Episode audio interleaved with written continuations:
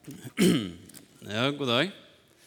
Jeg vil si gratulerer med morsdagen. Jeg har glemt å si det hjemme, men uh, jeg får prøve å huske på det etterpå.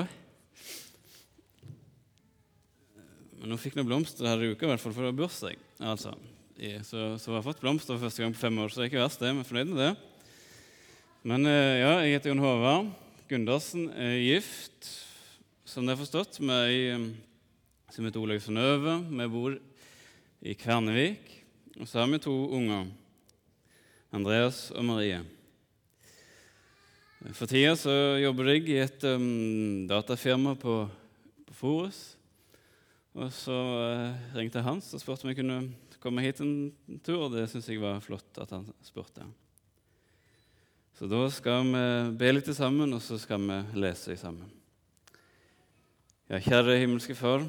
Jeg har lyst til å takke deg igjen for at vi kan få samles om ditt ord. Takke deg for at, du, at det er kraft i ordet ditt. Vi, vi så om hun dama som, som, leste ordet, og så fikk hun møte deg og bli frelst. Og Kjære Jesus, jeg har lyst til å be om at vi kunne få erfare det også i dag, at det er kraft i ordet ditt, og at din ånd eh, kan virke iblant oss, at vi kan få få møte deg og få eh, mat i dag, Jesus. Jeg har lyst til å legge alt i dine hender og be om din velsignelse. Amen. Vi skal begynne å lese det som er mm, teksten for i dag, i Matteus kapittel 16, vers 21-23. Fra den tid begynte Jesus å gjøre det klart for sine disipler at de måtte dra til Jerusalem og at han skulle lide meget av de eldste og ypperste prestene og de skriftlærde, at han skulle bli slått i hjel, og at han skulle oppstå den tredje dagen. Da tok Peter ham til side og gav seg til å irettesette ham, og sa, Gud fri deg, Herre, dette må aldri skje deg. Men han snudde seg og sa til Peter, Vik bak meg, Satan. Du er til anstøt for meg, for du har ikke sans for det som hører Gud til men bare for det som hører menneskene til.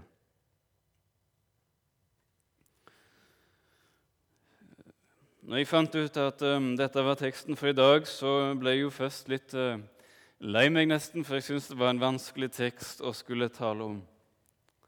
Men um, når jeg nå har prøvd å stanse for den, så har det blitt mer sånn at den har stanset meg. Jeg har blitt sittende nesten bom fast, og det har blitt ganske personlig for meg. Og um, jeg vet ikke om det blir en sånn en, uh, utleggelse direkte av verset, men det blir mer et, uh, et vitnesbyrd om noe av det som vi finner i disse versene her. For vi leser, uh, ja, Det står mye, men vi leser om at Jesus blir frista her. Og um, Jeg har tenkt også at vi skal se litt på um, eh, hva Jesus gjorde i, i møte med den, og hva det betyr for oss. Hvordan Jesus møtte fristelse. Det var et stort tema som en kunne tale mye om, har mange ulike innfallsvinkler osv. Det er veldig mye du kan si om fristelse. Eh, men um, jeg kan ikke alt, langt ifra, men likevel så har jeg tenkt på det Jeg tror jeg kan mye om fristelse. Ikke fordi at jeg har lest så mye, ikke fordi at jeg har hørt så mye om det på møter nødvendigvis, og heller ikke fordi at jeg er så flink eller til, så flink å kjenne igjen fristelser. Men uh, fristelse det er noe som det er mye av i mitt liv. Og Derfor så er det et kjent tema. Jeg kjenner meg igjen med Jesus som blir frista. Og kanskje du også har det sånn at du er velkjent med fristelser, og ikke minst velkjent med fall i fristelser. Fristelser som ble forsterka.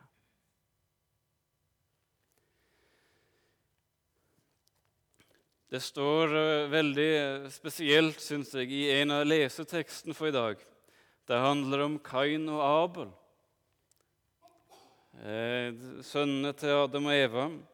Og Vi kjenner jo til historien hvordan det gikk, at de ble uvenner, og til slutt så drepte Kain bror sin. Men like før han um, tar livet av bror sin, så, så, møter Jesus, eller så møter Gud han. Og så sier Gud til Kain dette her. Men har du ikke gått i sinne? Der ligger synden på lur ved døren, og den har lyst på deg. Men du skal herske over den. Og så har jeg tenkt på det som Herren sa der til Kain. Synden ligger på lur ved døren. Synden har lyst på deg.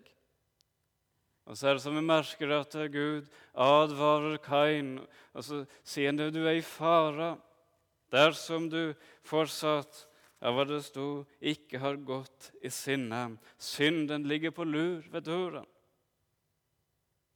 Men så leser vi om at Kain han eh, åpna døra.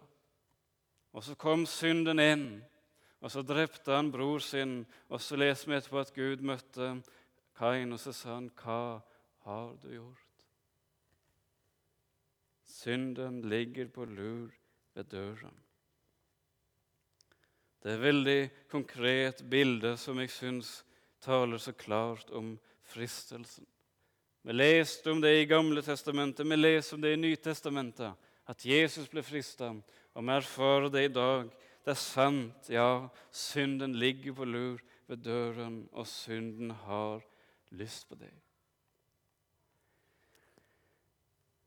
Vi har noen um, punkter ut ifra denne teksten her i dag. og Det første jeg har tenkt på, den er at fristelsen den er reell.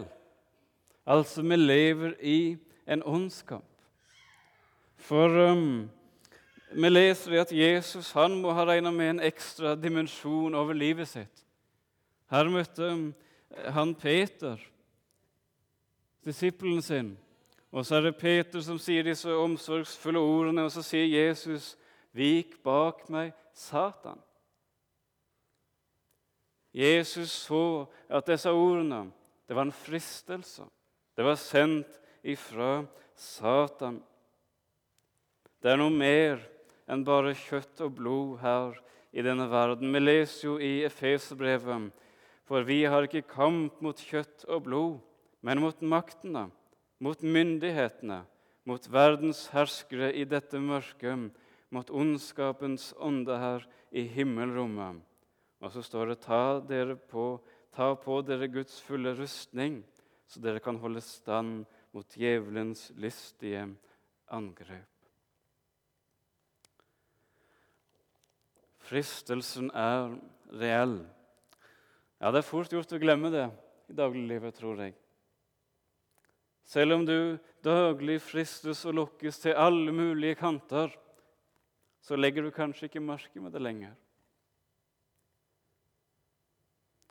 Når jeg har forberedt meg på denne talen her i dag så har jeg tenkt på et annet fenomen her i verden som minner mye om fristelse, og det er reklame. Jeg har tenkt på hvor, hvor likt det nesten er. Hvor du enn og så snur deg i denne verden, så finner du reklame som lokker på deg. Om du åpner avisa eller går langs butikkene, eller om du tar bussen eller ser på fjernsyn eller hører på radio, så er det reklame. Det reklameres for produkter, for tjenester osv. som du må ha. Og Jeg tror nok det at reklamen i seg sjøl, de som lager reklame, de, de, håper det at reklamen i seg sjøl skal bli usynlig, men så skal du bare få se produktet.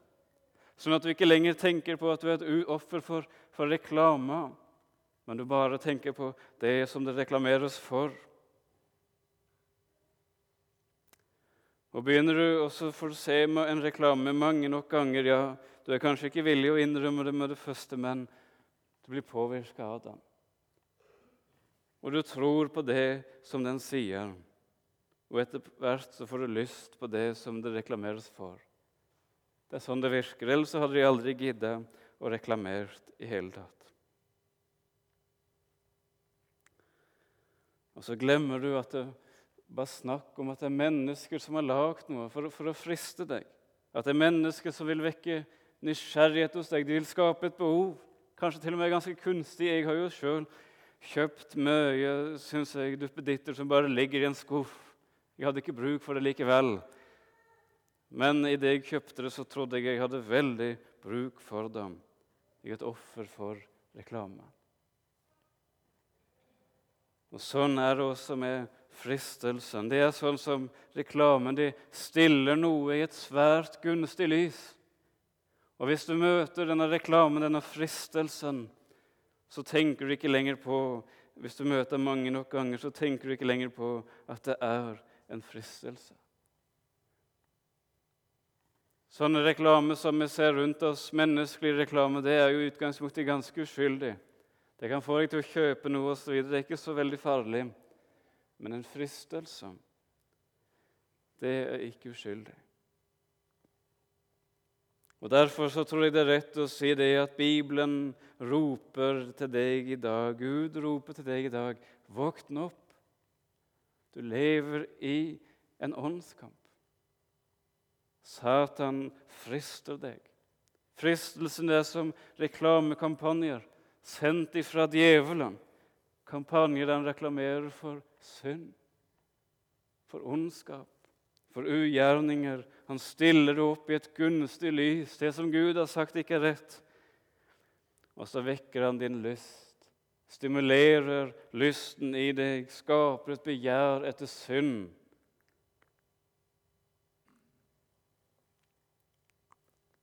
Ting som kanskje i utgangspunktet er rart at du har så lyst på. Han skaper et uhorvelig stort begjær etter synda. Djevelens reklamekampanje. Og så er jo det at den er jo svært vellykka. Det må være tidenes beste reklamekampanje. Han har jo nådd fram til hvert eneste menneske på jord. Alle har vi falt for triksene hans. Alle har vi falt for fristelsen. Man blir forført til å tro på løgnen, og så kan vi si vi er hjernevaska av reklamekampanjen for synd. Men Jesus, når han møtte fristelsen, når han møtte reklamen, så så han dette er en fristelse. Det kan virke så uskyldig. ikke sant? Peter han vil jo det bare det beste. kan vi si. Han vil jo bare du, Det må ikke skje det. Gud, fri deg, Herre. Det var så godt meint. Men nei, Jesus avslørte fristerne som sto bak. Vik bak meg, Satan.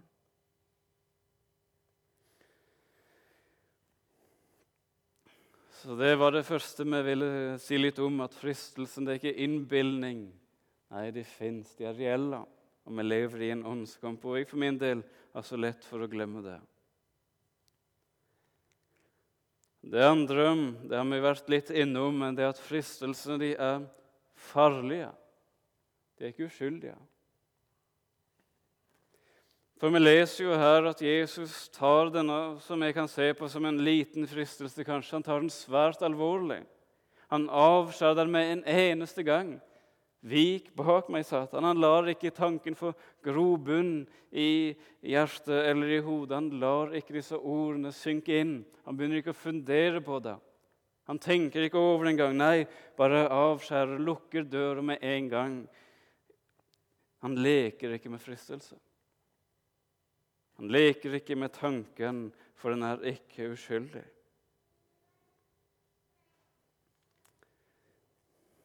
Vi merker det på Jesus at, um, at mye av tankelivet hans det kverna nok rundt den dagen som skulle komme. Det var jo sånn i teksten i dag at Jesus begynte å fortelle om den dagen der framme. Når han skulle bli overlatt til de skriftlærde og de ypperste prestene. Og når han skulle etter hvert møte sin far der på Golgata-korset, med all verdens synd lagt på seg. Og så skulle han få erfare det at han skulle bli forlatt av sin far. Båndet skulle bli klippet av mellom far og sønn, og så skulle Jesus fare ned i dødsriket. Det var noe som lå i bakhodet på Jesus. Det er jeg sikker på. Det var noe han gikk og tenkte på. Og så kommer en fristelse. måtte ikke dette hende deg. Gud, fri deg, Herren, sier Peter. Og så prøver Satan på denne måten å sette Jesus opp imot sin far. Og utfordre Jesus sin villighet, og utfordre Jesus til å begynne å tenke kanskje Gud har tatt feil. Kanskje det fins en annen måte. Og så prøver Satan å friste offerlammet som går bort imot offerstedet, og så ser vi det for oss. Men Jesus, hva gjør han? Han ofrer ikke fristelsen en eneste tanke. Han slipper den rett og slett ikke inn. Han sier med en gang, 'Vik bak meg, Satan. Du er et anstøt for meg.' 'Jeg vil ikke ha noe med deg å gjøre. Du er ikke velkommen inn i mitt hjerte.' Det er ikke plass for deg her.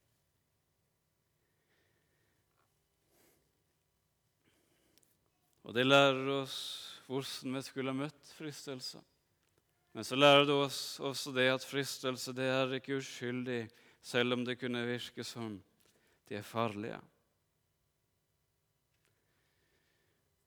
Og jeg tror vi kjenner oss igjen. Jeg eh, skulle ønske det ikke var sånn at fristelsen tok så stor plass i mitt hjerte. Jeg skulle ønske jeg ofte var sånn som Jesus. At jeg hadde kraft og makt til å smelle igjen den døra der synden ligger på lur. Men jeg åpna den døra så mange ganger. Jeg sa det, jeg har et par unger hjemme, og um, det hender jo det at jeg er nødt til å legge dem om kvelden. Og um, da eh, setter de jo pris på om vi synger noen sanger, da. Selv om de helst liker at mamma skal synge dem, så hvis du ikke er hjemme, så må jo jeg synge dem. Og det går jo som regel greit. Barnesanger er ikke de vanskeligste sangene å synge, selv om en del jeg ikke kan teksten på. Men, um, men noen barnesanger er fryktelig vanskelig å synge. Ikke fordi at de har så vanskelig melodi, eller fordi at teksten er så veldig komplisert. Nei, fordi at teksten er så enkel. En av de sangene som jeg sliter med, det er denne sangen når Jesus kommer og banker på mitt hjerte og spør om han kan få komme inn. Da svarer jeg ja, det kan du gjerne. Kom inn i mitt hjerte og sinn. Og så synger vi når fristeren kommer og banker på mitt hjerte og spør om han kan få komme inn. Da svarer jeg nei, det kan du ikke, for Jesus er alt kommet inn. Og så synger vi det så selvfølgelig. Og så burde det kanskje vært selvfølgelig. Men er det så selvfølgelig i ditt liv og i mitt liv at, at djevelen møter en stengt hjertedør fordi Jesus har kommet inn?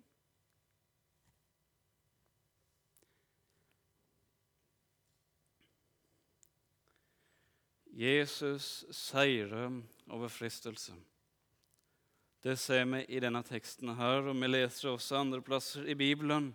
Jesus seirer over fristeren. I denne teksten så leser vi at Jesus han sa, 'Vik bak meg, Satan. Du er til anstøt for meg, for du har ikke sans for det som hører Gud til, bare for det som hører menneskene til.' Og så har vi nå sett og vi har talt om at det er sånn også vi burde ha møtt fristere. Men her blir vi avslørt. For hvem av oss taler sånn når fristeren kommer? Da Kanskje du har greid å motstå noen fristelser. Kanskje du har greid å lukke igjen døra noen ganger. Kanskje Satan av og til har stått og hamra og ikke kommet inn. Men hvem av oss her inne kan med hånda på hjertet si at de alltid har møtt Satan med en stengt hjertedør. Hvem av oss kan si at de alltid har sagt 'Vik bak meg, Satan'? Du er til anstøt for meg. Jeg har ikke lyst på det som du vil. Hvem av oss har aldri falt i fristelse? Jo, her inne i dag så er det bare én som kan vitne om det, og det er Jesus. Jesus har seiret, ikke bare én gang, men hver gang. Det står jo det at han ble prøvd i alt, men uten synd.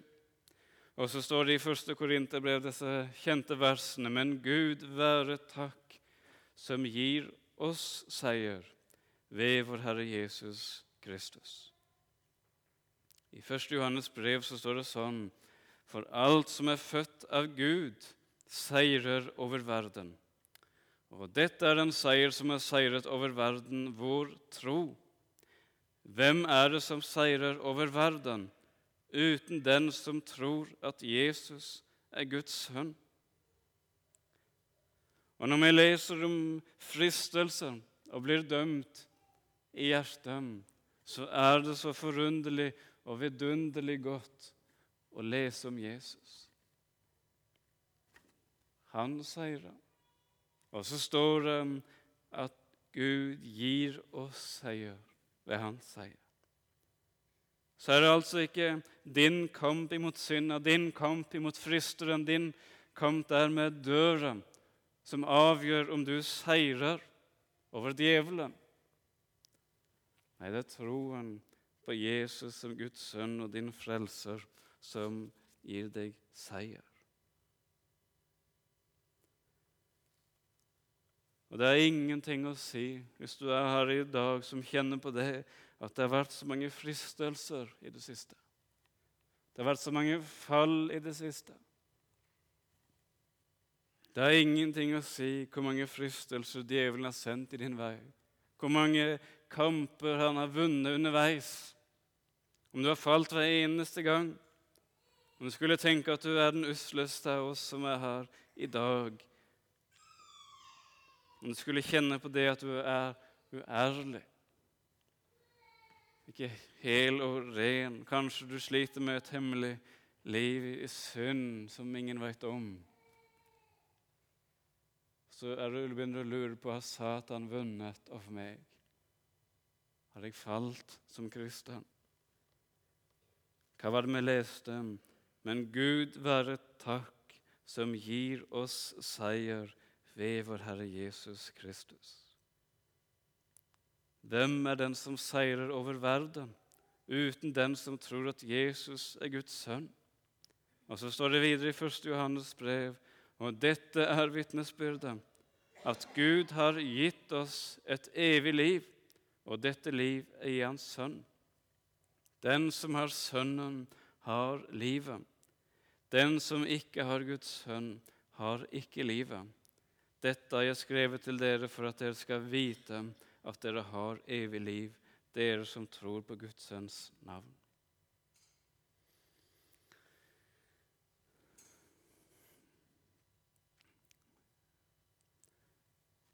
Men så har jeg fundert mye på det. Hva skal vi gjøre da, når fristelsen kommer? Jeg har vært på mange møter, og så har jeg vært oppglødd. Og så har det vært så fint og så flott, og jeg har fått høre evangeliet igjen og ta det med meg igjen. Så jeg kom hjem, og så har de samme fristelsene og de samme fallene kommet, kanskje samme kvelden. Hva skal vi gjøre? Ja, Én ting er å komme til Jesus når vi har falt, men jeg tror også vi kan få komme til Jesus når vi er frista. Jesus seier over fristelsen, det er våpenet dette i fristelsens døgn. Det høres kanskje litt rart ut, eller kanskje det er velkjent for deg, jeg vet ikke, men jeg tror det er akkurat i fristelsens stund så er det makt å tro evangeliet. Så er det makt å igjen begynne å minne deg sjøl om hva du eier i Jesus. Så kan du få lov til å folde hendene og be til Jesus. Takke for alt det du har fått. Og så kan du vende deg til Jesus. Vi er jo inne i bønne- og fastetida. Kan vi få komme til Jesus. Å kjempe imot fristelsen i egen makt, det har jeg gjort mange ganger, og det har aldri lykkes. Og jeg tror heller ikke det at jeg blir klinisk fri for fall i, i fristelser om jeg er så flink å, å komme til Jesus hver gang. Men jeg tror det er viktig også å være åpen og ærlig med Jesus, både om fallene og om fristelsene. Fortell han hvordan du kjenner det nå. Nå har jeg så lyst på det og det. Og så leve sammen med Jesus. Det hender at jeg ser på fjernsyn rett som det er, og av og til er det også naturdokumentarer der. Og Det hender jo at jeg er fra Afrika, og der er det jo mange flotte dyr og planter og mennesker også. Og det er mye fint å se på. Og Jeg eh, syns det er ofte spennende med sånne mektige løver og raske geparder som springer rundt der på savannen i Afrika. Og så er det særlig én ting som går igjen, som de forteller om i nesten hver eneste sånn dokumentar. Det er hvordan løven finner byttedyret sitt. Og det vet du helt sikkert, at han ser seg ut etter en av eh, gnu eller antilope eller sebra som har kommet seg ut fra flokken sin. Da er det et lett bytte. For selv den mektigste løva eller den raskeste geparden har ikke sjans til på å ta en sebra som springer sammen med alle de andre sebraene. Men så fort han har kommet seg på avstand, så fort sebraen har begynt å kjempe på egen hånd, så er han et lett byttedyr. Og Sånn er det jo også i kristenlivet. Satan vil ha deg til å kjempe på egen hånd, bort ifra flokken. Ja, bort ifra fellesskapet her sammen med kristne brødre og søstre, men også bort ifra fellesskapet med Jesus. Så fort du er kommet på avstand ifra Han, så er du et lett byttedyr for den brølende løven, for Satans fristelser.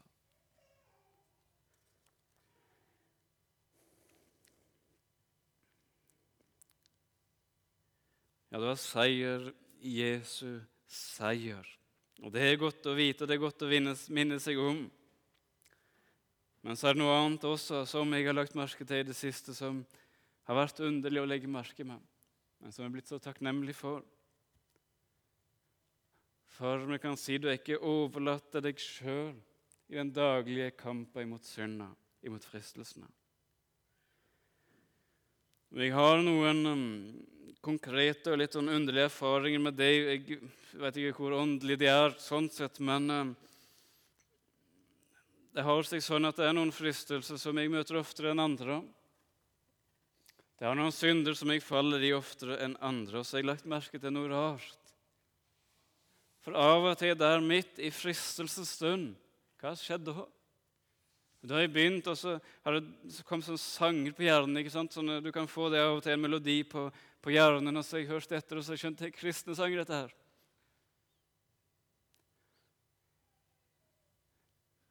Og så, midt i fristelsesstund, ja, midt kanskje når du faller, så tenk så er med en lovsang til Jesus.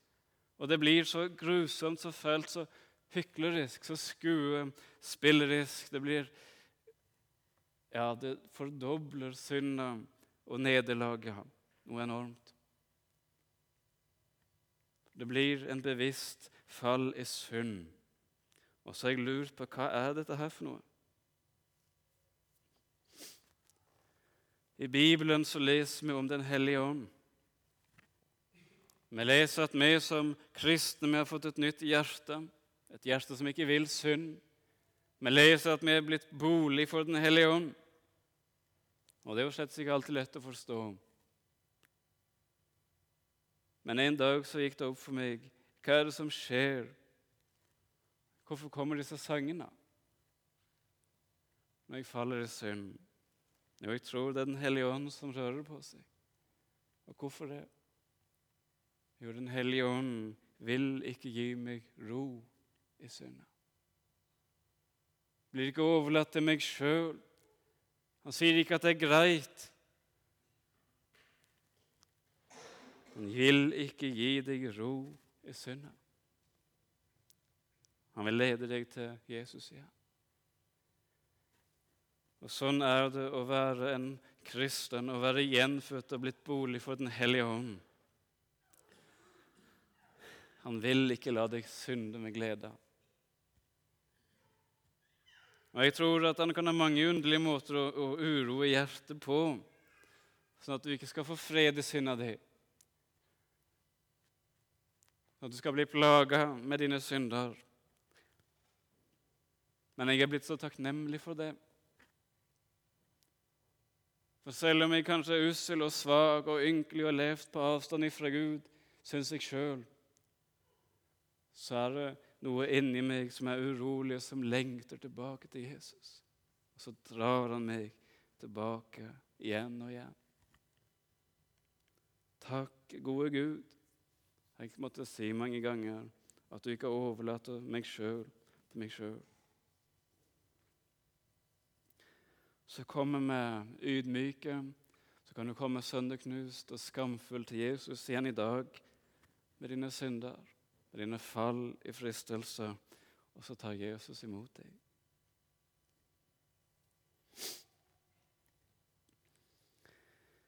Nåden er ny hos Jesus i dag. Han har dekt bordet for deg. I heimen min så er det sånn at jeg har ei god kone, da, så jeg slipper unna en del sånne husarbeid. Men én uh, ting vi jeg ja, sikkert, sikkert mer, men i hvert fall én ting jeg gjør hver dag uten at du maser. Og um, Det er når jeg står opp om morgenen, morgenen, og så skal jeg på jobb. Og um, Da må jeg um, lage frokost til ungen også. Så kan du få lov til å ligge litt lenger frampå. Så når jeg står opp, så finner jeg fram tallerkener og glass og noen brødskiver, og så heller jeg i litt melk i glassene, og så dekker jeg bordet. Og når ungene står opp, så er bordet dekka hver dag. Og så har jeg tenkt på sånn er det å være en kristen og hver morgen komme til dekka bord.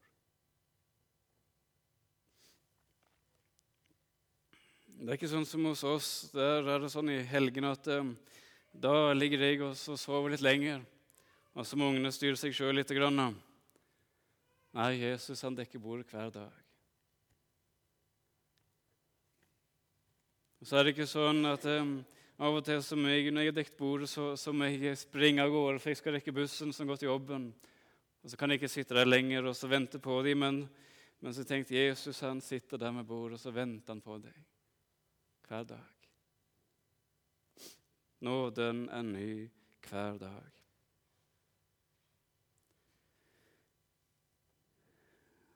Det har vært veldig godt å stanse for når vi har vært innom dette med fristelsene. For det er noe som er sårt og et ømt tema, i hvert fall for min del. Men nåden hos Jesus, den er ny også i dag. Sånn er det også for deg.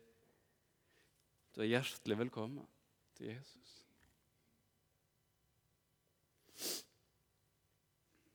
Ja, når jeg har um, og prøvd å forberede litt denne talen som jeg nå har vært igjennom, så, så var det én ting som ga meg frimodighet til å komme her i dag.